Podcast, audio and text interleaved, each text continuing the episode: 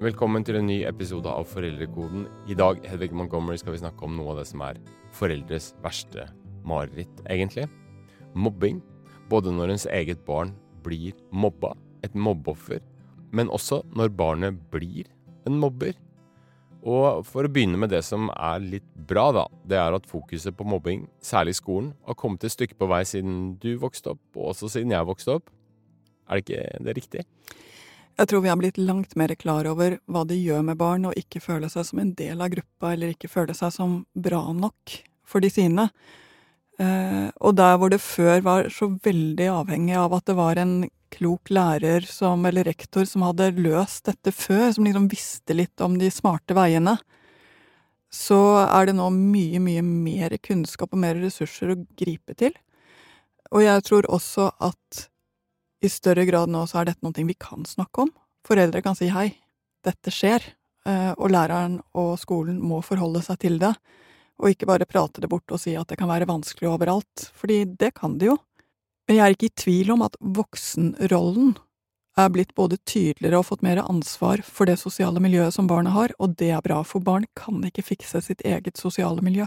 Jeg gikk rett inn i skolen, men vi skal faktisk begynne litt lenger ned. For uh, dette temaet kommer som et ønske fra en, en mor til en uh, treåring, tror jeg. For hun spør rett og slett små barn som mobber og utestenger hverandre. Hvorfor gjør de det? Er de slemme, og hva kan man gjøre med det? Når er det barna begynner å plage hverandre, egentlig? Altså, man kan jo alltid bli plaget av hverandre. Eh, og de minste barna har liten forståelse for hva de gjør mot andre, rett og slett fordi de ikke er modne nok til å ta andres perspektiv, altså ta det der tankeeksperimentet hvordan hadde det vært hvis det var meg? Det er noen ting som ikke er teknisk mulig for en to- eller en treåring, og en fireåring er helt nybegynner på å ta en annens perspektiv. Så det vil si at en to-treåring kan ikke dele fordi leker en to-treåring med noen ting, og eh, det kommer en annen og vil ha det samme, så er det rett på konflikt. De kan ikke gå inn i å finne de smarte løsningene for det, eller se at den andre kanskje fortjener det mer enn deg. Det er ikke der de er i sin utvikling. Så det vil si at for de minste barna så handler allting om å ha voksne som er til stede, hjelper dem videre når de havner i den type interessekonflikter, som det jo egentlig er, og også sørge for at det er nok ting å leke med, sånn at ikke noen blir stående helt uten. Så for å svare helt konkret på, på en treårings problemstilling en treåring gjør så godt hun eller han kan, og det gjelder faktisk også de eldre barna. De vil være venner, de vil samarbeide, de vil ha det ålreit, de også, men de får det ikke alltid til, både fordi dette handler om modenhet, altså hva du er i stand til å tenke, og i å øve seg i å håndtere følelsene sine, sosiale situasjoner, har vært borti det før. Så barn trenger både å øve seg og å få en ledelse på hvordan de skal gjøre det. Men dette med mobbing blir jo først og fremst eh, ja, aktuelt når man blir litt eldre. Eh, når man kommer i skolealder. Hva er det som gjør at noen barn blir mobbere? Vi ser nok at det som bestemmer mest hvor mye mobbing det er i et miljø, handler egentlig om to ting. Det handler om ledelsen, altså hvordan dagen ser ut, og hvordan gruppen blir håndtert av lærerne. Og det andre det er at det handler altså om modenhet. Vi vet for eksempel at så lenge vi har målt forekomsten av mobbing, så er det en topp blant tiåringene. Ja. Eh, fordi det er en alder hvor de omgrupperer seg og begynner å velge venner på en ny måte, så opplevelsen av å ikke komme inn i gruppa, ikke høre til, rammer mange flere i denne aldersgruppen enn det de gjør både før og etterpå. Vi vet også at måten det mobbes på, er forskjellig i forskjellige aldre.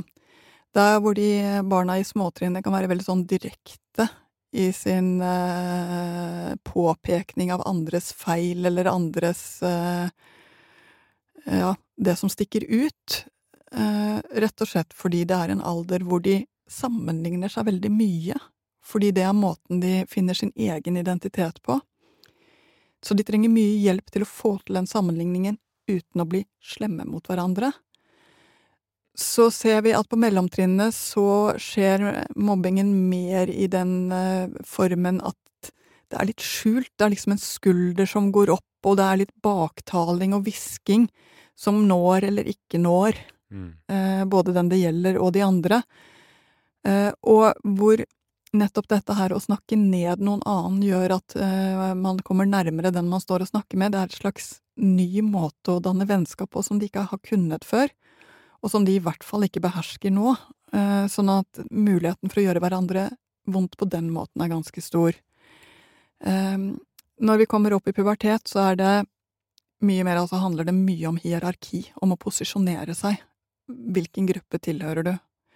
Eh, og hvor det å bli plassert opp eller ned eh, både er kampen og også eh, mye av smerten.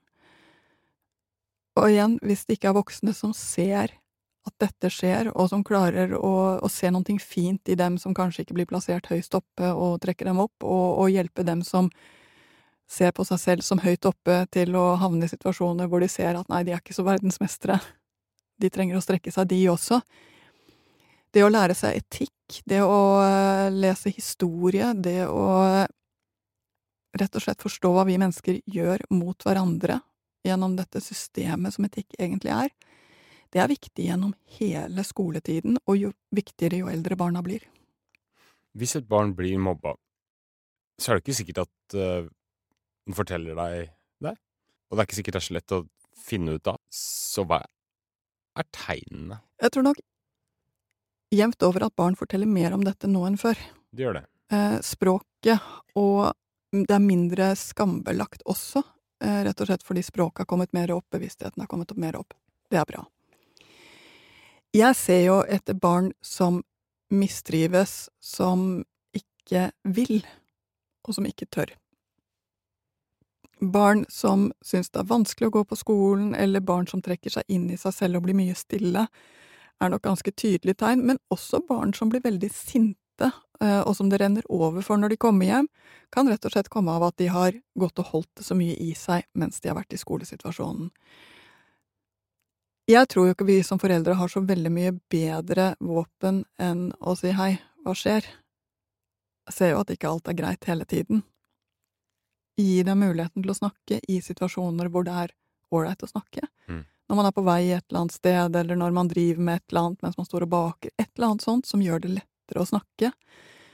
Og så tror jeg også at det å si 'jeg er veldig usikker' til læreren eh, Jeg syns det ser ut som mitt barn sliter med et eller annet, men jeg vet ikke helt hva. Kan ikke du hjelpe meg å se? Rett og slett alliere seg også med den voksne som er i situasjonen. Fordi at som forelder så er du jo ikke i barnehagen eller i skolen sammen med barnet, så du er, du er litt avhengig av de andre voksenøynene som er der. Mm. Men likeledes i motsatt fall, hvis barnet kommer hjem og sier det rett ut, da er det vel lett for å ta eh, ens eget barn veldig i forsvar og ta det for den gitte sannhet at sånn er det.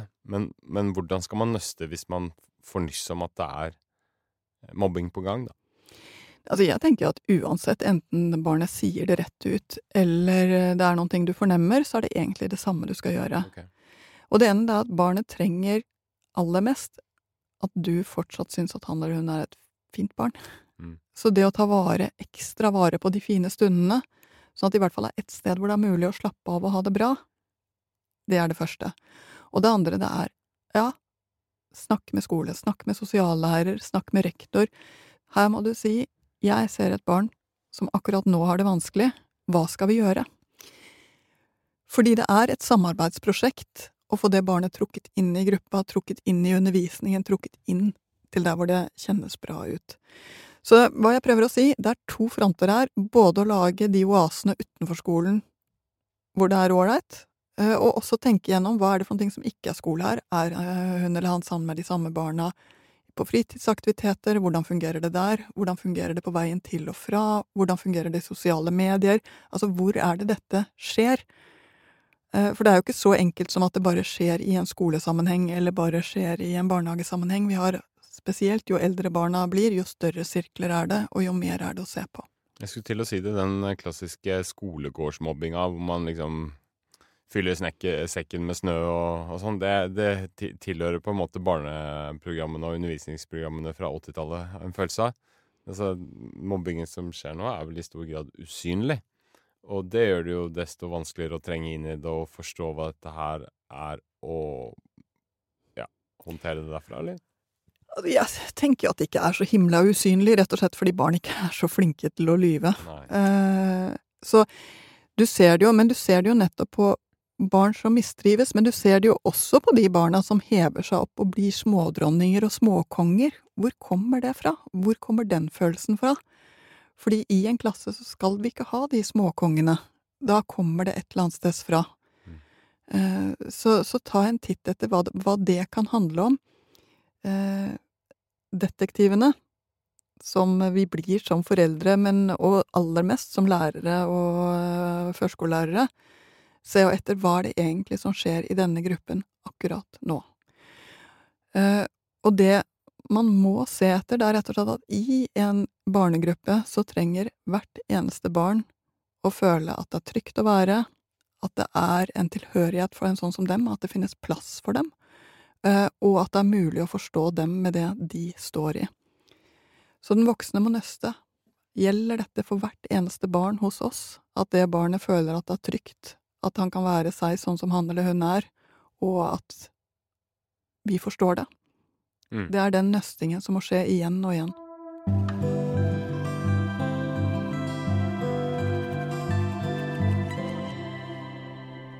Nå har du vært inne på ting som kan være lurt å gjøre, men mm. hva er det som er eh, kanskje typisk at man kan finne på å gjøre, men som man ikke bør gjøre? Er det noen sånne feller også? Absolutt feller. Eh, og fellen er jo selvfølgelig å se etter syndebukker. Hvem sin skyld er det? Eh, I barnegruppen. Fordi barn gjør så godt de kan, ut fra der de er. Så jeg leter ikke etter skyldige, jeg leter etter håndteringen. Jeg leter ikke etter de feilene som handler om at han eller hun er umulig, jeg leter etter hvordan kan vi få akkurat denne gruppen til å fungere. Jeg tror jo at den litt sånn populære forståelsen at der hvor det finnes et mobbeoffer, finnes det også en slem mobber, gjør oss litt dummere enn det vi egentlig er. For sannheten er at det å havne i en posisjon hvor vi ikke helt får oversikten over de kommentarene vi, som vi kommer med, ikke helt har oversikten over hva det betyr for noe å være den som ikke har de merkeklærne eller ikke har den type pennal, handler ikke så mye om slem eller god, det handler aller, aller mest om gruppeprosesser og om det å være en del av en gruppe. Og det vil si at det er en voksenoppgave å ta vare på dette her. Og det er ikke en eh, voksenoppgave som handler om å finne og straffe den skyldige. Det er en voksenoppgave som handler om hvordan kan vi få dette til å fungere bedre. Så å ta opp telefonen og ringe foreldrene til den angivelige mobberen, det er egentlig ikke noe man skal gjøre? Altså, noen har jo ganske god nytte av å si hei, jeg tror det skjer noen ting nå som spesielt kanskje går utover ditt og mitt barn. For mitt barn føler at ditt barn eh, sier ting som gjør vondt, Eh, og føler seg utenfor. Kanskje er det ikke meningen, kanskje er det noe som har gått galt. Eh, men jeg vet ikke. Skulle vi ha sett på en annen måte å ha bursdagene på, eller ha eh, leketreffene på? Altså finne de tingene som, som foreldregruppen har litt kontroll på. Jeg ville nok ha prøvd å fått med, fått med læreren på denne type samtaler dette med utestengning og utfrysing, som vel er en form for mobbing. Men for barn eller ungdom som blir utestengt, da, som jo er en forferdelig følelse, hva er egentlig veien inn i varmen? Altså, enhver historie har sin egen logikk og sin egen bakgrunn. Det tror jeg er ganske viktig å si, fordi det kan handle om så veldig forskjellige ting. Det å være annerledes vil alltid være en kostnad enten du er ti eller 90. Det å finne en tilhørighet vil alltid koste litt, men vi blir flinkere til det med årene. Og tiåringer er for eksempel ikke spesielt flinke til det ennå. Måten undervisningen legges opp på, er egentlig det viktigste mobbeforebyggende tiltaket vi har. Barn som føler at de lærer seg, at de strekker seg, at det er plass for deres måte å tenke på og lære på, har det bedre på skolen og finner seg også mer til rette i elevgruppen. Det å ha et barn som på et eller annet vis nå, kanskje også helt av tilfeldigheter, hva ble tredje hjul på vogna i venninnegjengen da? Eh, og plutselig så var det ikke plass til henne etter at de har vært bestevenninner i dette firkløveret Mhm. bestandig. Mhm. Det kan være helt tilfeldigheter som gjør at det er din jente som plutselig ikke har noen plass lenger, og som, eh, som henger etter fingertuppene. Jeg tror vi må ha litt tålmodighet med å si dette er skikkelig vanskelig. Det er kjipt og når det ikke kommer noen telefoner og ingenting skjer lenger. Og så prøve å finne hva skal vi bruke den tiden til, hva kan du gjøre for noen ting istedenfor. Og her er det forskjellige ting i forskjellige miljøer og forskjellige interesser. Men jeg tenker at barn trenger noen ting å være opptatt av, og kanskje kan det være så enkelt som å sette seg ned og se en serie sammen med barna, og så snakke litt om, om det man ser, og barnet har en anledning til å føle seg bra sammen med deg. Til og med det er bedre enn at det skjer ingenting. Men let, jo mer ditt barn er det som føler seg utenfor, jo viktigere er det å lete etter én, hva kan vi gjøre sammen som gjør at det i hvert fall kjennes bra ut her, og to, hva kan det finnes for noen ting av andre miljøer eller andre muligheter som gjør at det blir litt mening i å gå på skolen eller gå på aktiviteter igjen? Det altså nesten skumleste som kan skje, det er jo at barna føler at åh, dette har blitt et så stort problem for mamma, hun har blitt så bekymra, eh, og setter himmel og jord i bevegelse. Det blir jo flaut også. Mm. Eh, og barnet vil på et eller annet tidspunkt føle seg som et problem også hjemme. Så det Det er å ta på alvor, dette er vanskelig, og vi må bruke de ressursene vi har. Det høres ut som du mener at man skal prøve å ikke trykke på den store røde knappen for fort, da. Jeg tror i hvert fall at barn i denne alderen stort sett setter pris på at de får hjelp til å løse problemet, men ikke at problemet blir overtatt eller tatt fra dem, at de mister helt kontrollen over det. Vi har hatt noen år nå hvor, hvor, hvor vi har satt sånne ting at dette skal du ikke oppleve, nå skal vi løse dette, sier de voksne. Mm. Og så sitter barn igjen og føler at ingenting skjer, fordi det er virkelig ikke så lett å lese, løse, og det går heller ikke helt an å løse uten at barnet er med på hva er det som skjer, og hva er det egentlig som gjøres. If you thought the only way to get a more defined jawline with natural looking results was through surgery, think again. Juvederm Volux XC is a non surgical injectable gel filler that improves moderate to severe loss of jawline definition and can help you achieve natural looking results with little downtime. Even better, this improved definition lasts up to one year with optimal treatment. No maintenance required. Improve jawline definition for a smooth, sculpted look with Juvederm Volux XC. For important safety information and to find a licensed specialist, visit juvederm.com. That's J U V E D E R M.com. Not for people with severe allergic reactions, allergies to lidocaine, or the proteins used in Juvederm. Common side effects include injection site redness, swelling, pain, tenderness, firmness, lumps, bumps, bruising, discoloration, or itching. There's a risk of unintentional injection into a blood vessel, which can cause vision abnormalities, blindness, stroke, temporary scabs, or scarring. Talk to a licensed specialist to find out if it's right for you. Du snakket om forebygging i stad, ikke sant? Snakka om hvordan man kan forebygge at mobbing oppstår. Men hvordan kan man forebygge at noen blir mobbere? Hmm. Det er et utrolig godt spørsmål. Jeg tror jo at det å lære barn opp i å håndtere sosiale situasjoner, altså når vi havner i slik uenighet, eller når vi er for mange for det vi holder på med, hvordan løser vi det? Altså hver gang barn kommer opp i slike, egentlig ganske enkle problemstillinger, men hver gang vi er, hjelper barna med å løse sånt, en sånn situasjon på en måte som ingen taper helt på, hver sånn gang har vi forebygget mobbing i gruppen. Det er en slags bygge sten på sten-læring i hvordan vi er mot hverandre. Og det samme hver gang vi leser en historie eller ser en film som har denne moralen at vi må være gode mot hverandre. Hver gang det kommer frem på en måte som beveger barna, så har vi egentlig gjort noe for å hindre mobbing. Så ser jeg også at i en del, og det er egentlig nesten litt trist, for i noen perioder så det, kan det bli litt sånn dronninger og konger i klassen. kanskje spesielt på ungdomsskolen, hvor noen løftes opp og blir veldig toneangivende, Ja, ja. Um, så vet man jo at de blomstrer nok for tidlig, for det å være toneangivende når du er på den alderen, gjør ikke nødvendigvis at du blir det senere i livet.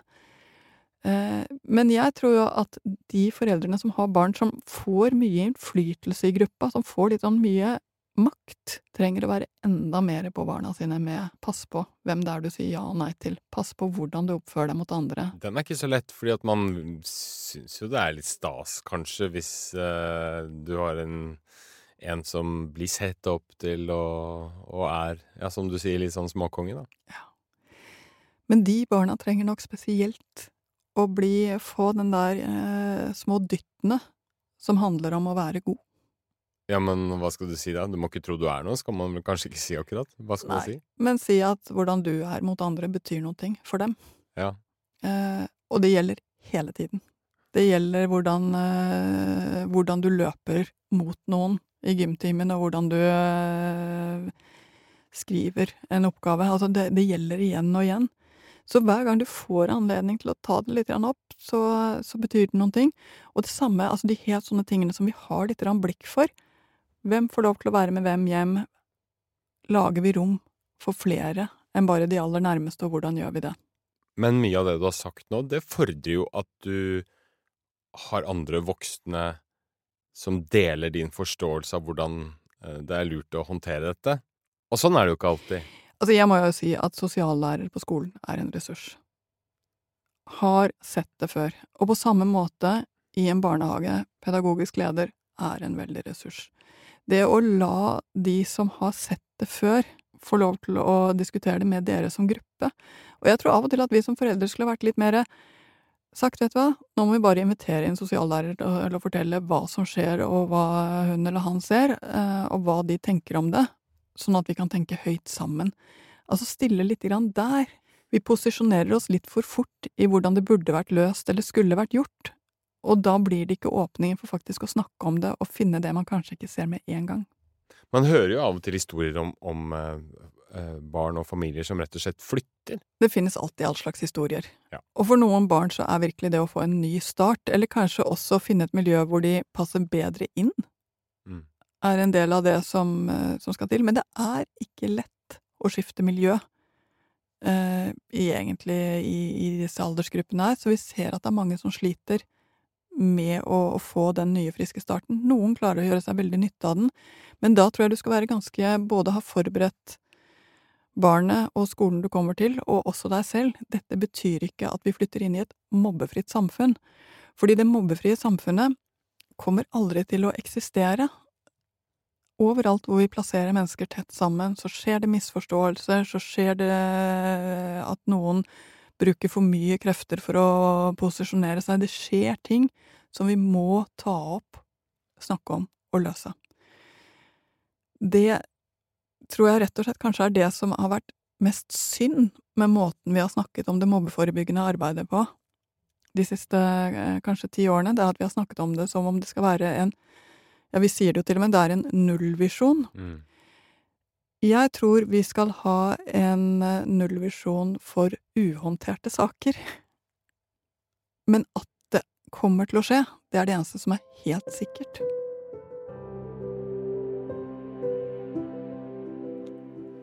Men for å gå litt tilbake til eh, noe av det som var utgangspunktet, en henvendelse fra en eh, småbarnsmor. Når en tre-fire barn sitter og leker fint sammen eh, i barnehagen, og så kommer ditt barn forbi, og så sier de du får ikke være med, du. Er det ondskap? Jeg kan love deg én ting.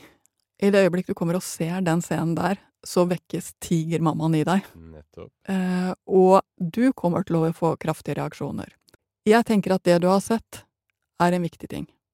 Du har sett at disse barna er akkurat så umodne som man kan forvente, og at de, denne situasjonen ikke er løst på en god måte. Det skal du fortelle til pedagogisk leder eller til avdelingsleder så fort det lar seg gjøre, altså, men uten å lage en scene. Si du, jeg så en ting i går, eller jeg så en ting Kanskje enda bedre å gjøre det når du ikke er så opprørt lenger, men si dette så jeg, eh, bare sånn at du vet hva som skjer. Og så tror jeg at du skal være klar over en ting til. Det er at dette er Sannsynligvis hadde de barna som satt og lekte, hadde bare en fin stund. De hadde sagt det til hvem som helst som kom forbi. Det er bare at det er vondt å være den som kommer forbi og ikke får lov til å være med.